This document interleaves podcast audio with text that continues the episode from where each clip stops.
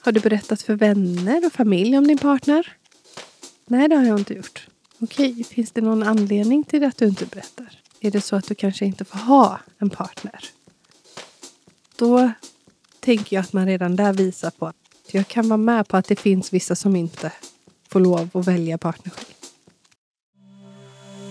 Sex på arbetstid. Sex på arbetstid. Sex på arbetstid. En podd om SRHR för dig som jobbar inom vården.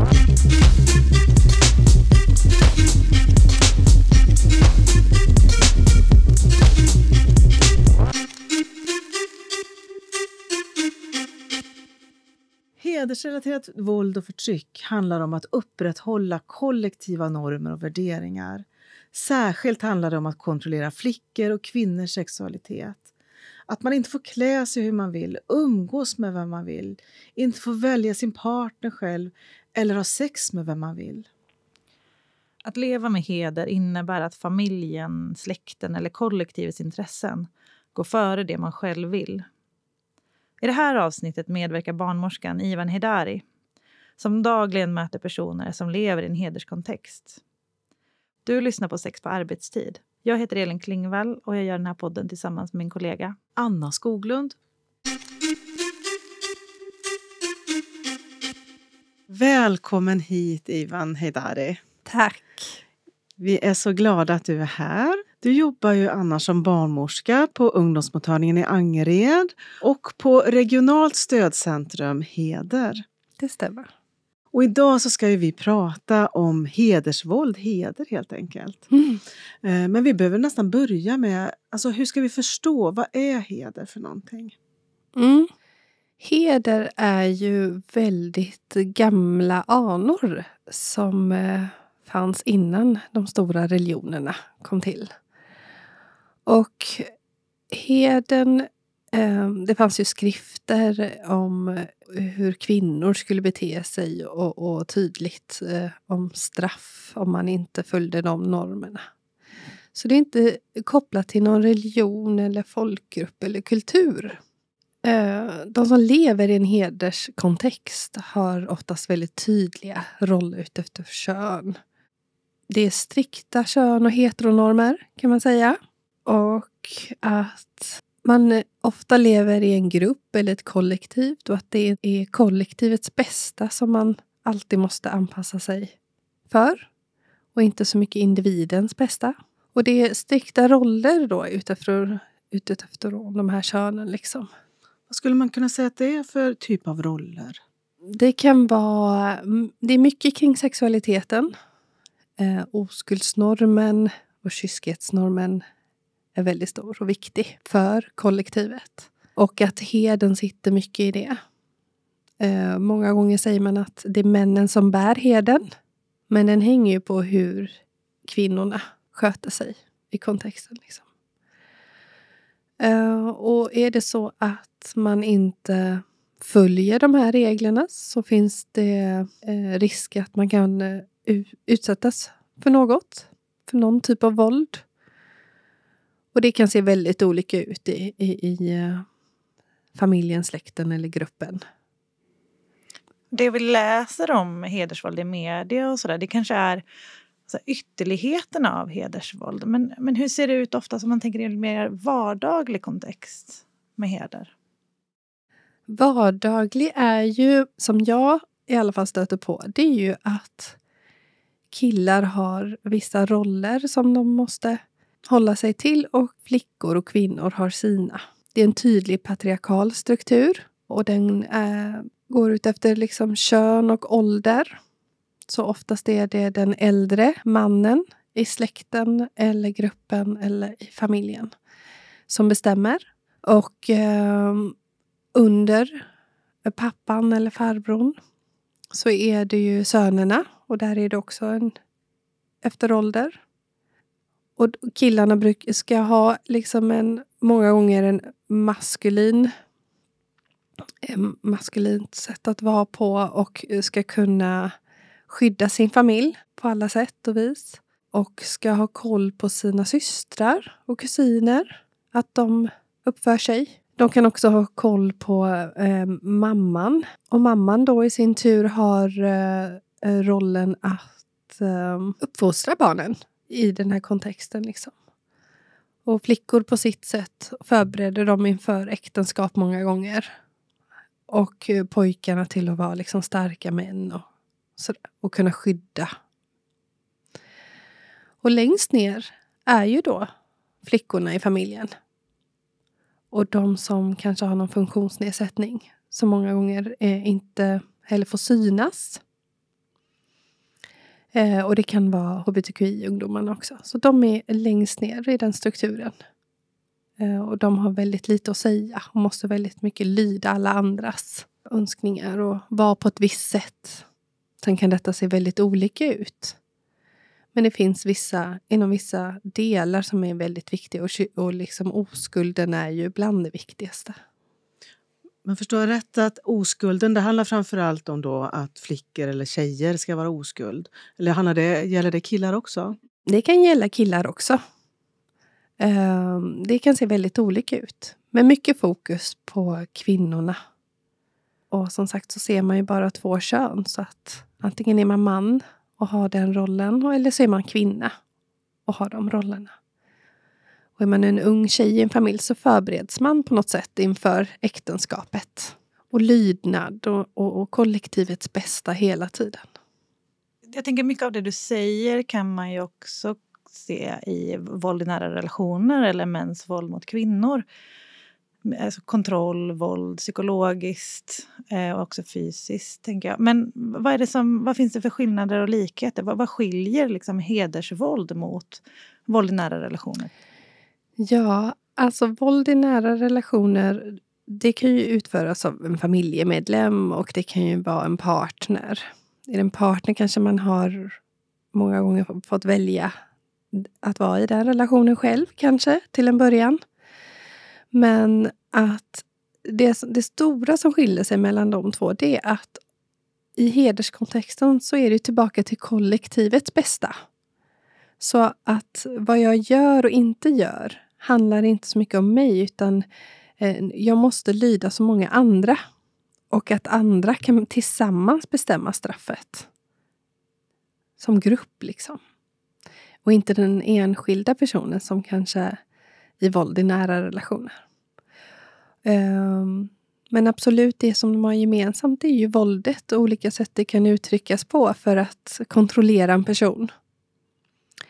Men i hederskontexten kan sättet att kontrollera också vara ett sätt att bestraffa någon som har gjort ett normbrott. Och inte bara själva kontrollen som kanske i, i våld är nära. Kan du beskriva lite mer kring det? Hur förstår vi det?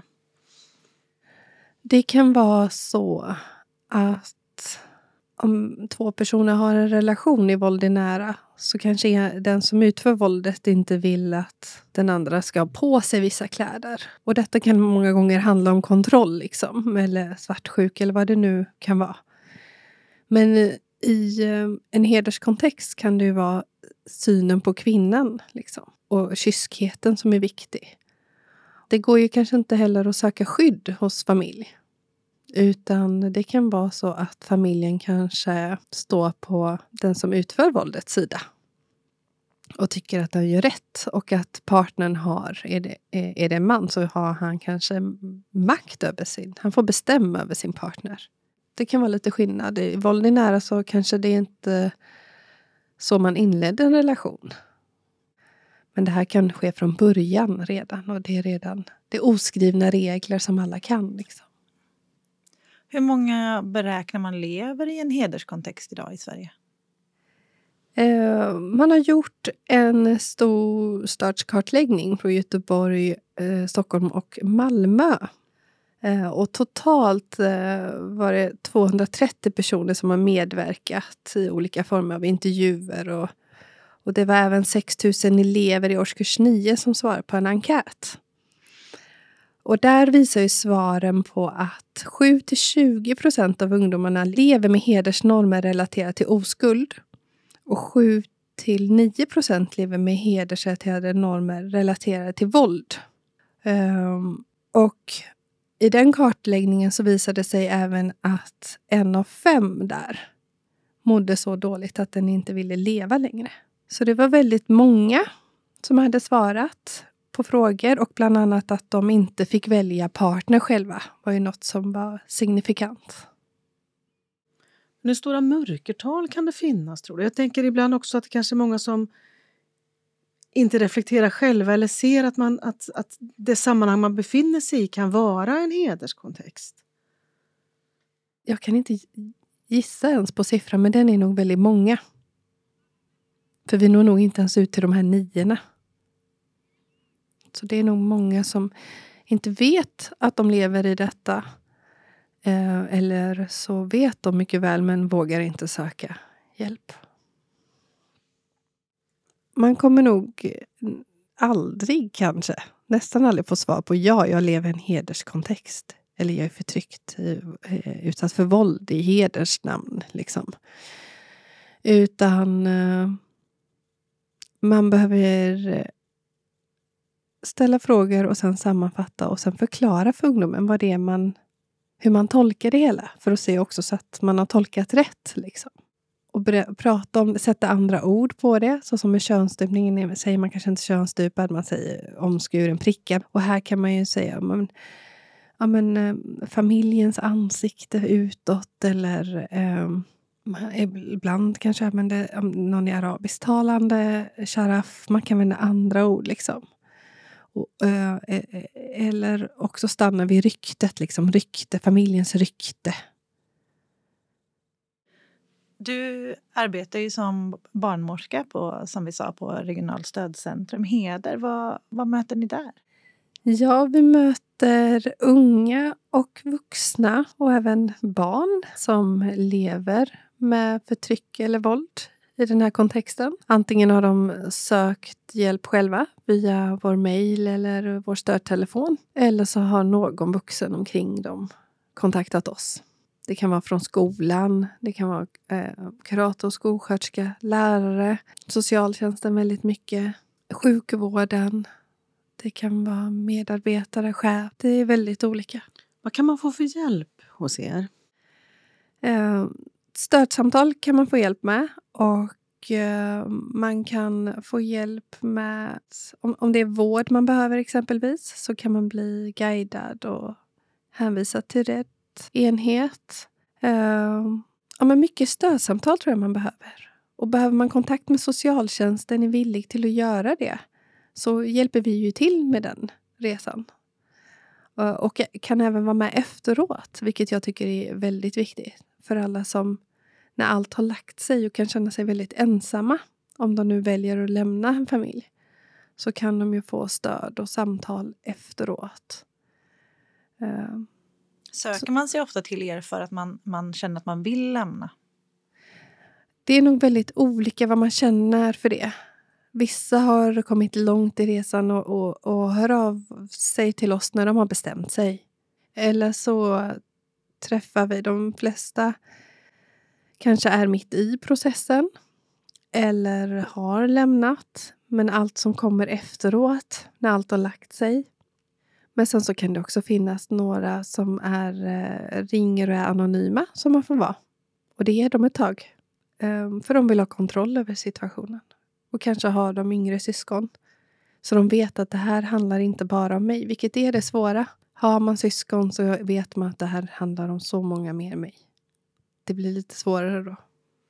Hur blir det i de situationerna, tänker jag också sen för era del ifall ni inleder en kontakt? Jag tänker man har en, eh, en skyldighet att göra en orosanmälan mm. och samtidigt som det kan bli väldigt hotfullt för en person som kanske egentligen är hjälpsökande också. Hur fungerar det i de lägena? Det viktiga är att man har en öppen dialog och man också eh, gör en riskbedömning man har ställt väldigt mycket frågor om familjen, relationen och allt runt omkring. Man försöker förbereda ungdomen på vad som kan hända i kontakt med socialtjänsten och, och alla steg. liksom. Så att den känner att den har någon kontroll. Um, vilket brukar vara lättare. Man brukar också tipsa om så här, det här kan familjen ringa och säga efteråt. Eh, kom, det kan vara så att någon ringer och säger att nu har du gjort mormor sjuk. Och så för att du ska få dåligt samvete. Förbered dig på det här. Så man brukar förbereda så mycket som möjligt. Men först är ju som sagt att få information så att inte man blir överraskad på vägen och förlorar ungdomen. Utan går, går det att inte skynda på, är det inte akut situation så vill man ju förbereda den och att den ska få chans att jobba på det och se allt som, alla scenarier som kan ske. Liksom. Har ni möjlighet och resurser att också jobba med, med liksom hela familjer? Jag tänker framförallt, ibland kan det vara syskon som kanske utsätter någon liksom för det den rollen den har eller, eller vårdnadshavare som kanske inte har reflekterat över kring vad är det vi faktiskt gör? Jo, men det, det kan vi absolut göra. Vi kan erbjuda stödsamtal för eh, de som vi... Alltså är det inte väldigt, väldigt unga barn så behöver man ju tänka annorlunda. Men eh, finns det tonårssyskon så kan man ju absolut eh, prata med dem enskilt. Um, det brukar ju vara så att det är en förälder som har barn och man pratar om hur man ska, hur den, vad den har för möjligheter. Eh, kan eh, mamman eller pappan eller vem det är som utsätts ta med barnen? Eh, hur kan det se ut? Vilka barn och hur gör man och sådär. Så att absolut är det meningen att alla som eh, behöver få hjälp ska få det. Anpassat efter ålder och annat. Det är jätteviktigt. För att som sagt, det här är ju... Man har levt i ett kollektiv och man kan ingenting annat. Så jag tycker att det är viktigt att man också får hjälp på det sättet. Att man inte behöver vara ensam.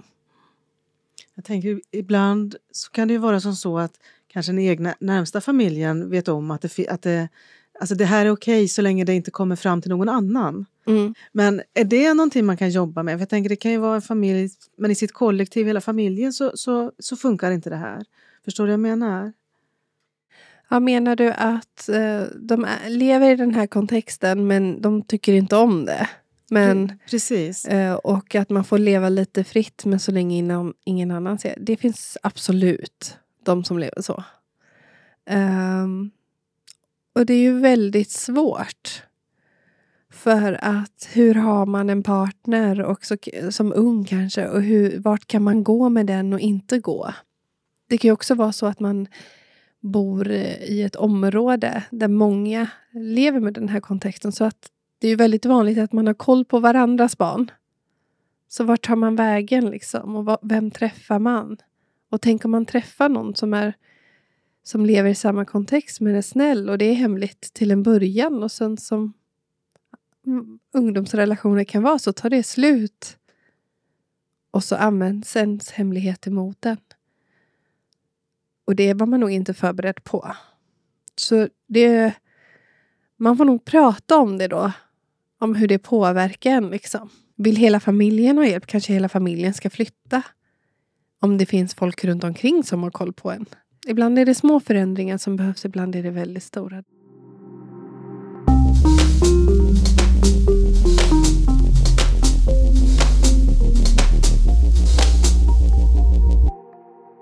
På regionalt stödcentrum Heder så är det ju kanske mer självklart att man söker då för att man upplever att man är i en hederskontext och vill ha stöd i det. Men när du arbetar på ungdomsmottagning Angered, hur möter du heder där och hur, hur börjar ni prata om heder i, i den kontexten? Jag eh, träffar ju väldigt, väldigt många som lever i den här kontexten. Eh, och det är väldigt få som eh, söker för det. Utan de kommer väl för andra saker, för att testa sig, gravtest eller annat. Och det som gör att man börjar ställa frågor kring det här, det är väldigt många gånger kring sexualiteten och identiteten och att man vill liksom inte prata om det. Man skäms i rummet och man använder inte preventivmedel för då blir det så himla tydligt för mig själv och alla andra på något sätt. Frågar man lite kring det så, så kanske man börjar förstå varför får vi inte prata om sex? Eller varför erkänner du inte för dig själv att du har sex? Och då är det väldigt vanligt att det kommer fram att man inte får ha sex. Och då kommer vi lite mer in i den här kontexten.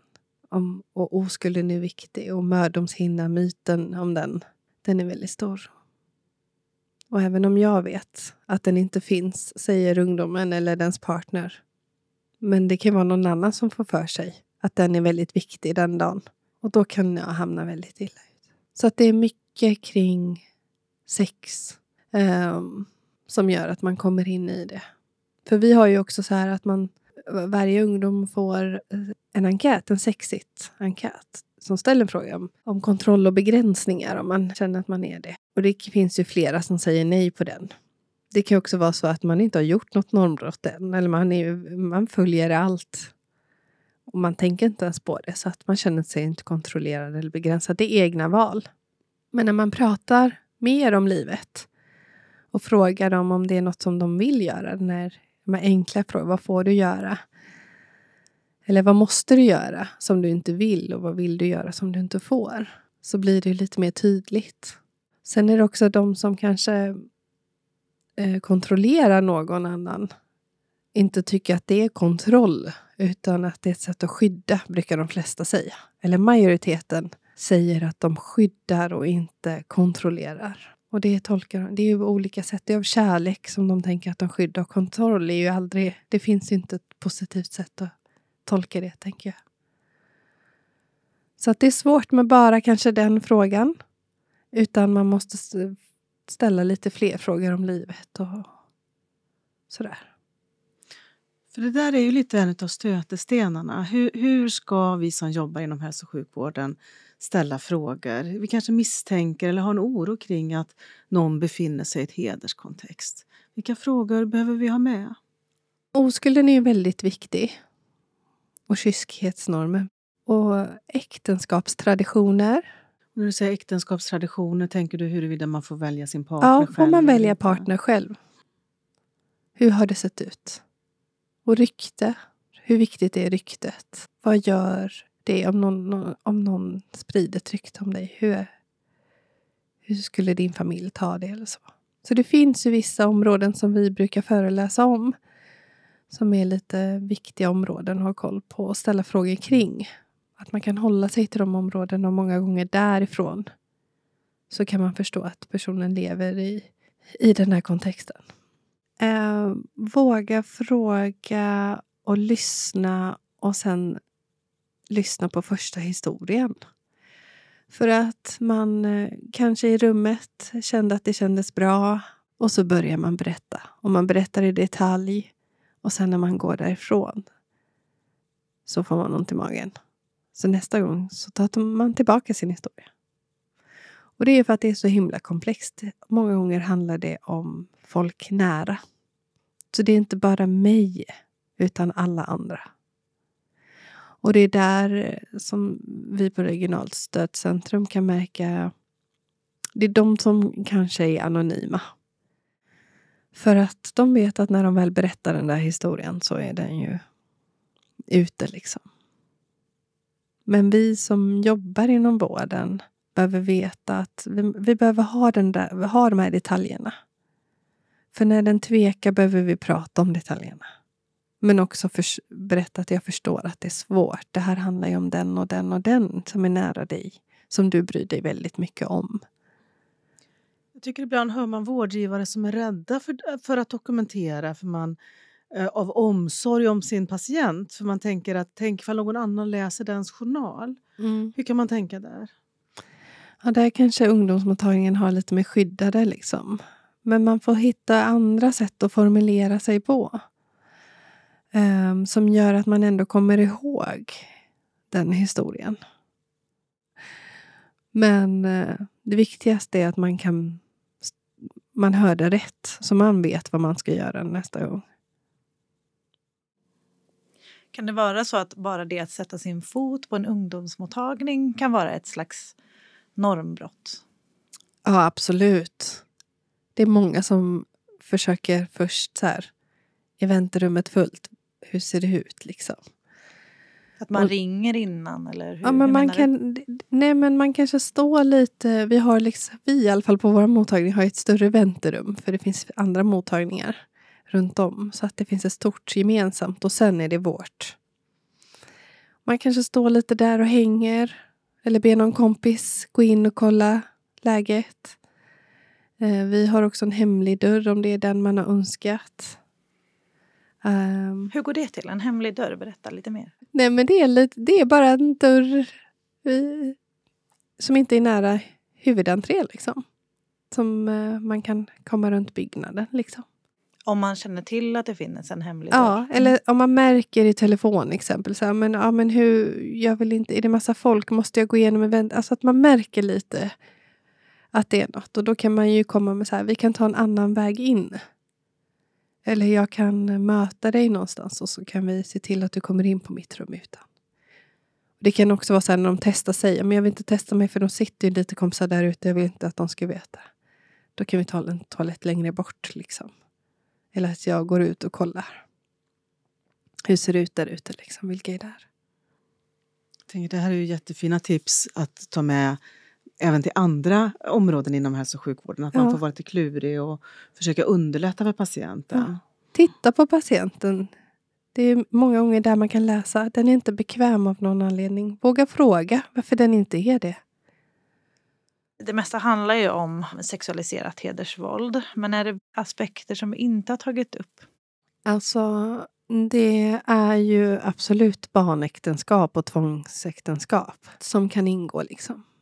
Sätt att kontrollera någon sexualitet eller att, att um, gifta bort den innan den har sex för att oskulden är så viktig. Är det en hbtqi-ungdom så kan det vara att man gifts bort för att tillrättavisa eller utåt i alla fall. Göra rätt ifrån sig inom sin kontext. Liksom. Och det, det är också så att vi har, väldigt, vi har ju pratat hur, om hur viktigt oskulden är. Och där är nog också väldigt viktigt att förstå att sexuella övergrepp sker inom den här kontexten. Och att här kanske man inte anmäler alls. Liksom. För att man kan få skulden. Och man kanske inte är oskuld längre. Eller man är inte när man har blivit våldtagen. Och vad händer med mig? De kanske tror, vi kanske anmäler. Men sen då? Jag är fortfarande inte oskuld. Alla andra vet om det. Ingen kommer vilja ha mig. Jag lämnas utanför på så många sätt.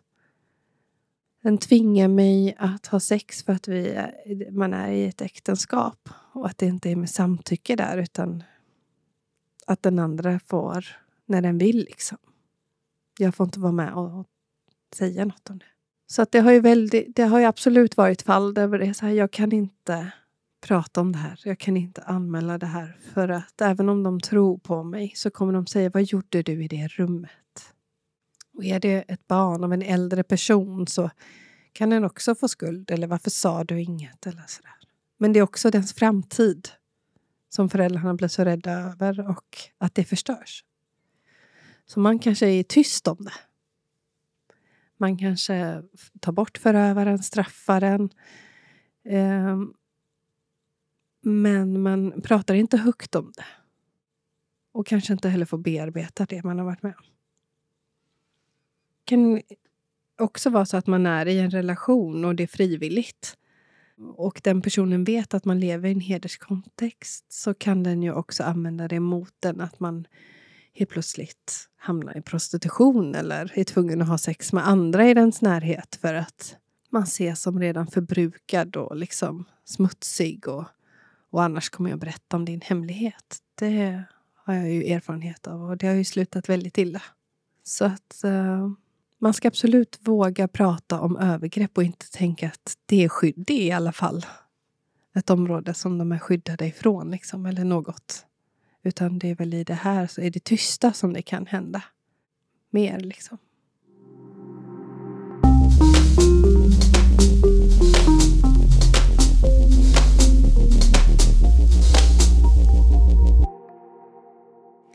Möter ni också hbtqi-ungdomar som lever i en hederskontext? Mm. Nu har vår regionalt stödcentrum Heder inte funnits mer än ett år, men absolut har vi träffat där. Eh, några, inte så många som vi önskar, men vi jobbar ju på det och försöker nå ut till verksamheter som träffar de här ungdomarna och inom vården och, och uppmärksamma dem. Och på ungdomsmottagningen också. Uh, och där, där, är det ju att de, de är väldigt många gånger oroliga. liksom. Det är, man, eftersom det är en stark heteronorm så vet man ju många gånger att straffet kan vara väldigt allvarligt. Om man har tur så kanske man blir utkastad från familjen men många gånger kan det vara mycket värre än så. Och det kan vara utanförskap och man kan känna minoritetsstress och det finns andra, så många andra lager som är på det här. Så att det är inte alltid de vågar söka vård. De är väldigt försiktiga. Och där behöver man ju verkligen jobba med tilliten. Och jobba med flera olika områden, kanske samtidigt.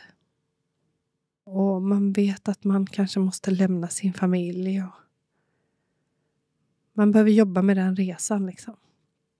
Vi, vi jobbar ju också med dem med intellektuellt funktionsnedsatta och, och, och killar. Vi vet ju att de tre grupperna är svåra att nå.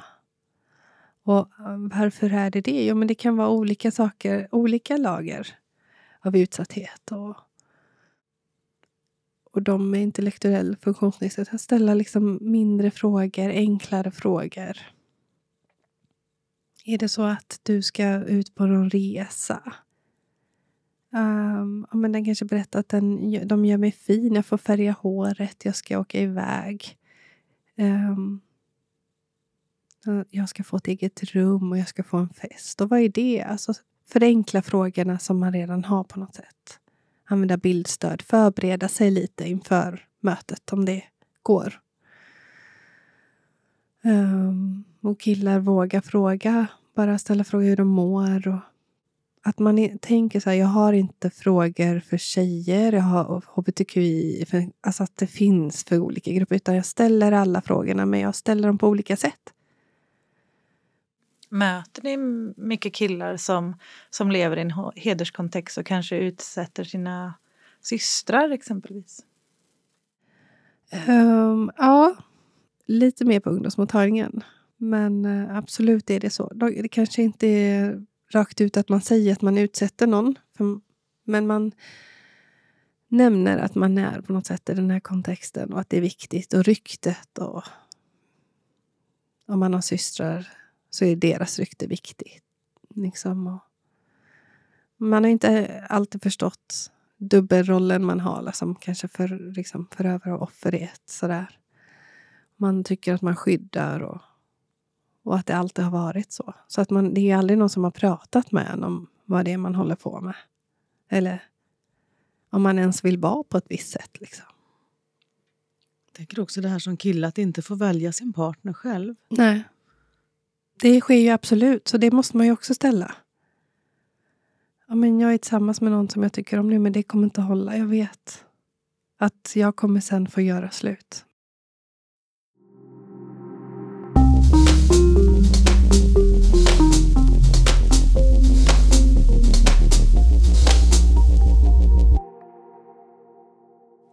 Just det där med lämna eh, måste väl vara en stor grej för många. För du, du sa det att, att eh, ni hjälper en del att lämna den familjen eller kontexten de mm. är i.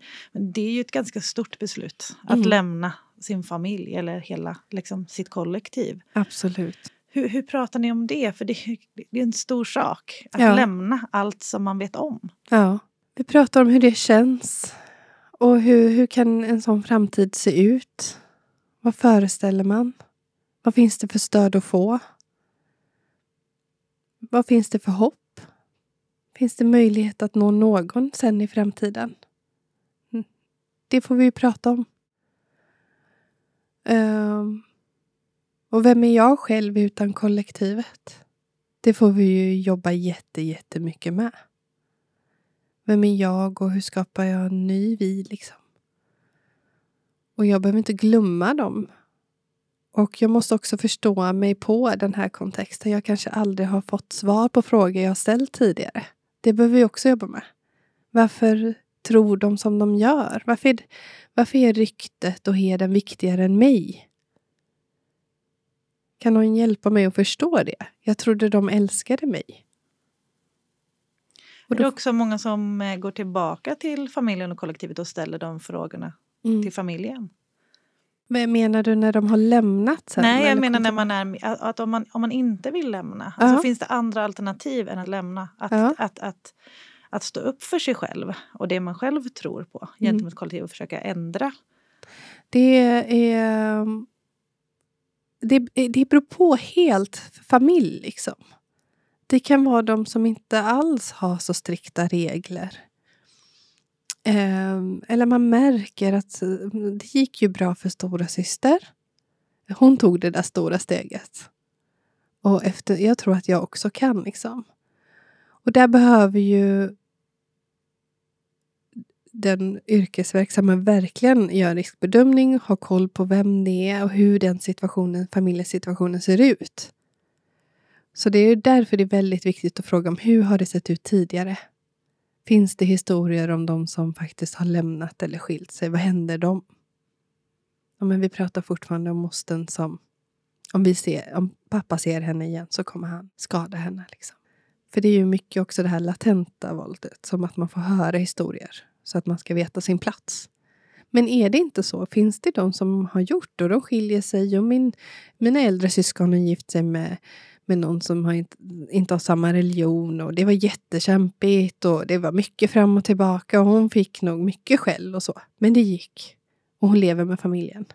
Man behöver inte jämföra de här två olika världarna. Man kan också säga att det är fint att leva ett kollektiv. Men man kan göra det på sitt sätt. Att varje individ i kollektivet kan vara stark, men vi kan vara det tillsammans. Vi kan fortfarande bo ihop och vara tillsammans, men vi kan också vara väldigt starka och egna själva. Och stötta väldigt mycket i det. Om den vill behålla saker inom sin kontext och göra om till något eget så måste man ju följa med på den resan. Den behöver inte lämna allting. Men för en hbtqi-ungdom kan det vara svårt. Så där behöver, om det ens ska ske, så behöver ju någon verkligen noga göra en riskbedömning. Och är, känner man att man inte är kapabel till det, då måste man söka hjälp. Då måste man konsultera det här ärendet med någon annan. Om ni är eh, oroliga för att en, eh, en individ ska, ska skadas, utsättas för våld, vad gör ni då? Um, är det ingen kontakt med socialtjänsten, har den ingen handläggare eller ett ärende så är det ju det man får göra. Man får göra en orosanmälan. Um, och jag tänker att man på något sätt kanske redan i dialog med den unga, beroende på hur mycket man har träffats och sådär, att man har förberett på så här, det här, om det händer akut så är det de här numren du har. Hur sparar du dem? Telefon? Har du koll på jouren? Nej, men vad är närmast? Socialkontor nära hem? Vart ringer du? Vilka nummer har du? Och våra uppgifter och sådär. Kan vi mötas eller hur gör du det när, om jag inte finns liksom? En lördagkväll, hur, vart ska du ta vägen? Vart ringer du? Eller så är det ju också så att man förbereder på nu är du i den här situationen, jag bedömer att det här kan bli väldigt allvarligt snart. Jag kommer då behöva kanske göra de här stegen. Och man vill ju helst göra det när det inte är akut. Det är ju de man många gånger jobbar med. Så här, vi vill inte att det ska vara den där dagen. Utan att det bästa är om du faktiskt får möjlighet att packa. Och så att vi kan liksom i lugn och ro se vad det här är. Vad behöver vi göra då för att liksom nå ut, för att människor ska få kunskap om sina rättigheter? Och hu- hur ska vi göra så att det ska kunna vara möjligt att leva som man önskar? Jag tror att vi behöver ha dialoger anpassade efter deras behov och kunskapsnivå. Om vi exempelvis tar barn, så här, vi kan inte bara rabbla upp barnkonventionen. För då sitter en ungdom där igen som säger, jaha, nu, nu kom den där igen. Nu missar de mig igen. Utan om man nu ska ta det då, så måste man också säga att jag vet att det finns de som inte har de här rättigheterna. De har ingenting av det här. Och, och att det kan se väldigt olika ut. Jag har ju på ungdomsmottagningen haft väldigt mycket föräldragrupper. Eh, och där är det ju väldigt svåra samtal. När de är ju väldigt, väldigt arga först. För att det blir så hemliga kontakter med våra barn. Liksom. I allt vi inte tycker om. Lite så. Då får vi prata om vad det är vi gör. Och till slut så kommer vi nog fram till att men i bästa av alla världar så kanske ni kommer med dem. Eller hjälper dem att boka en tid? Eller har de här eh, liksom dialogerna hemma? Här har ni hemsidorna. Titta på dem och prata om de här sakerna hemma. För tro mig, de här vet redan. I, det är inte så att de kom till ungdomsmottagningen och lärde sig om sex kanske. De visste innan de kom många gånger. Så ska de få rätt information eller ska de få lite av kompisar och media och annat. Men att säga nej, du får inte, det går inte. Det gör bara att de lever hemliga liv. De kommer vara ett, på ett sätt hemma och så kommer de vara på ett sätt ute. Är det så man vill ha det? Nej. Och då blir det nog mycket bättre diskussioner efter det, tycker jag. Upplever du att det, många av de familjer du möter, både föräldrar och unga, har bristande tillit till vården och andra myndigheter? Ja, men det, det är nog många som har det. De har inte blivit bemötta på rätt sätt eller eh, inte förstått sig på riktigt vården de har fått.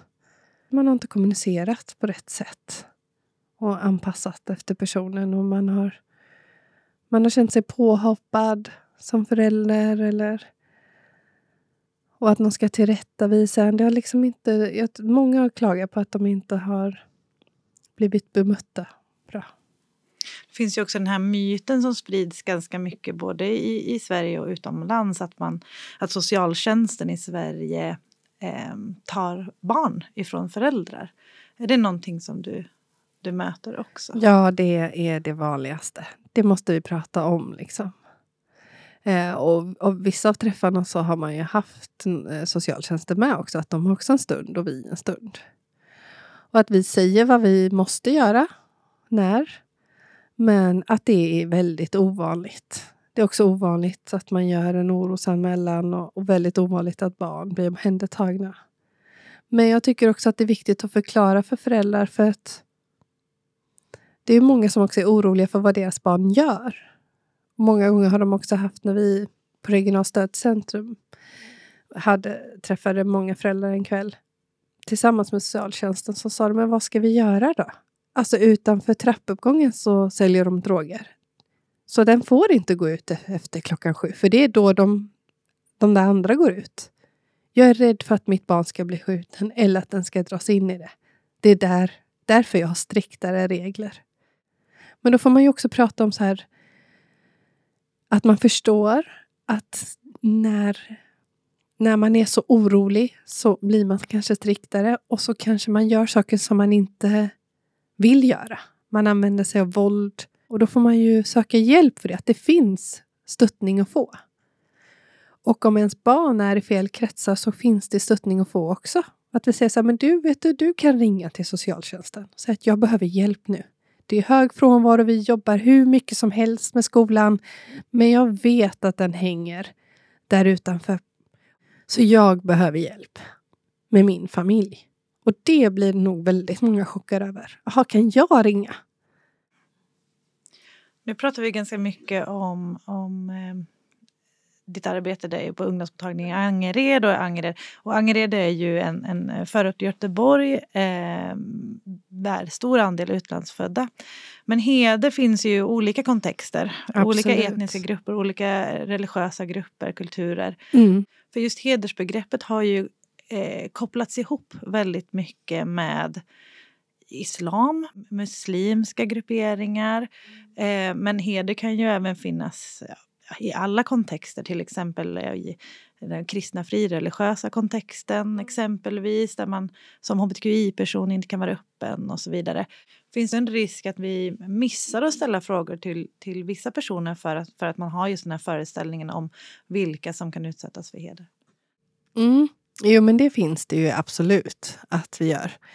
Ehm, det märks ju när vi har haft föreläsning exempelvis på en skola så tycker de ju att man, ni kan vara i de här klasserna.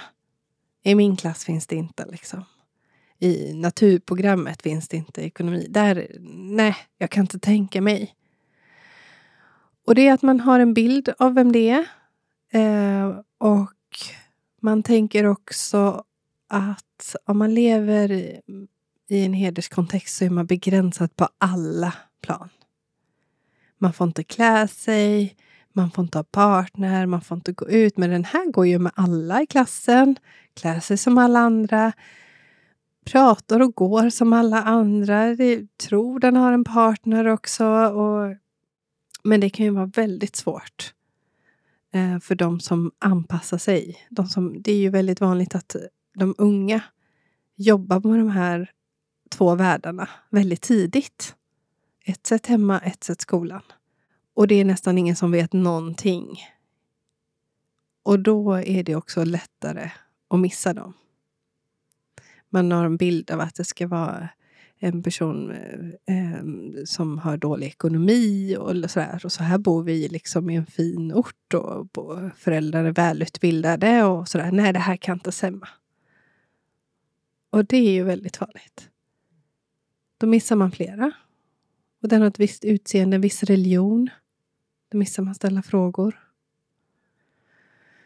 Så det är kanske det är viktigt att tänka så jag kan ställa breda frågor och sen så beroende på vad jag får för svar eller känsla så kan jag ju gå vidare med vissa frågor. Är det punkt i den så tar jag nästa och nästa. Sen tänker jag så här, vissa frågor kanske man inte ställer för alla. Det är ju också en diskussion. Så är det en etnisk svensk ung tjej så kanske inte jag frågar henne om könsstympning. För risken är väldigt liten att hon är könsstympad. Men jag frågar samtidigt henne om, om sjukdomar eller gjort någon gynekologisk operation eller så att jag är ju nog ändå runt området om jag inte ställde exakt den frågan. Så att bredare frågor liksom och beroende på svar gå vidare i dem. Tänker, vi har ju en hedersdebatt som pågår i Sverige, har pågått i många år och den är ju ganska sammankopplad med en rasistisk debatt. Hur möter du det i ditt, i ditt jobb?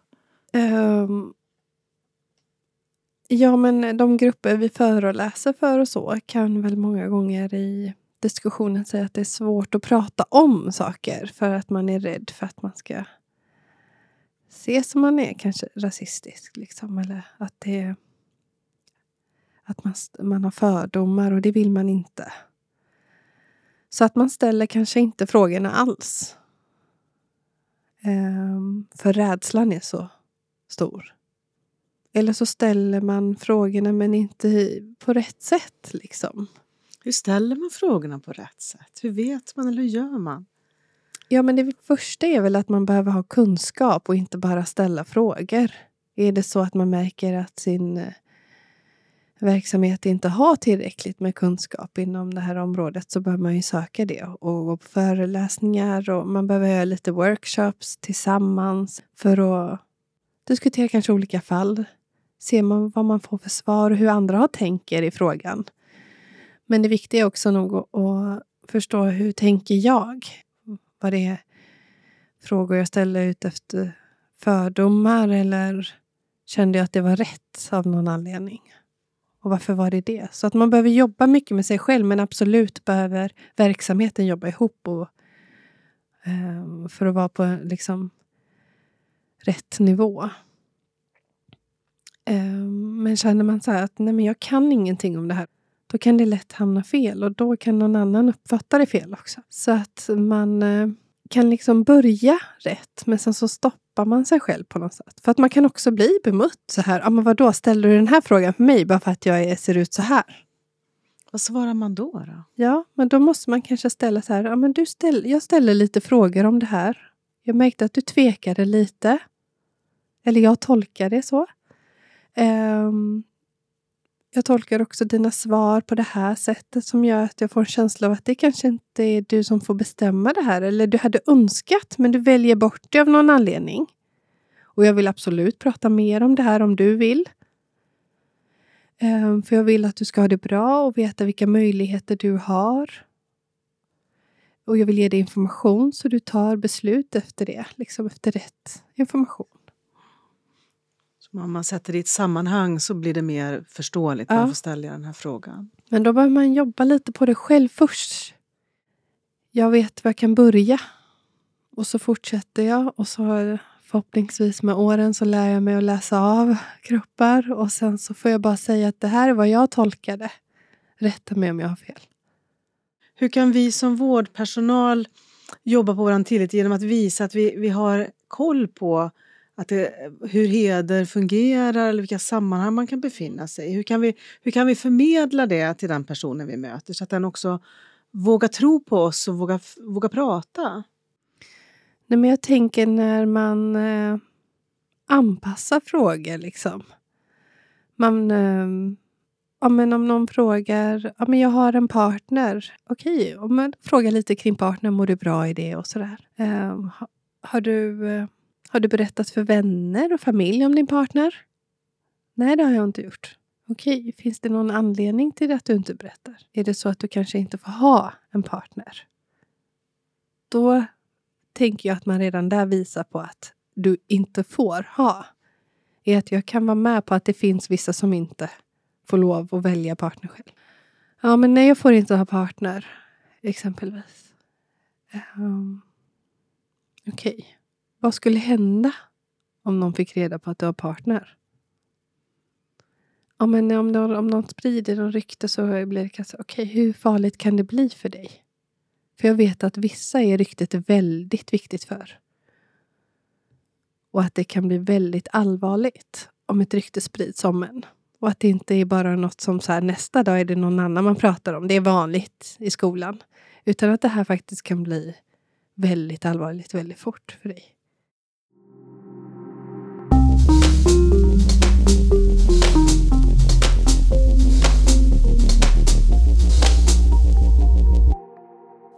Ivan, tusen mm. tack att du har varit med i Sex på arbetstid. Tack för att jag fick. Innan jag avslutar så skulle vi gärna vilja veta vilka tre tips du har med dig till annan mm. vårdpersonal.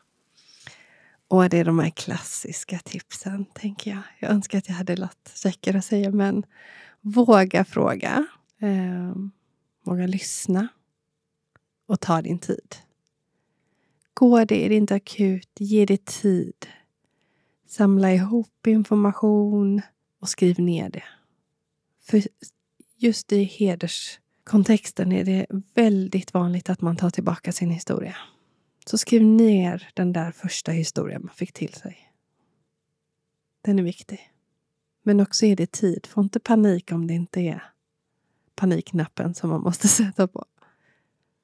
Det tycker jag är mina tips. Tack så mycket. Tack för att jag fick komma.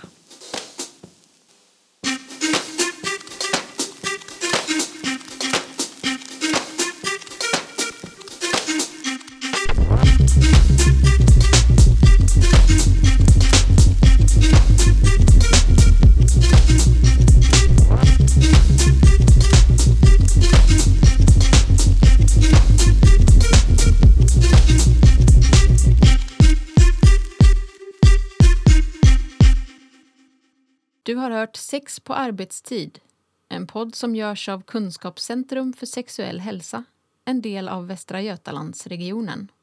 Producent var Elin Klingvall.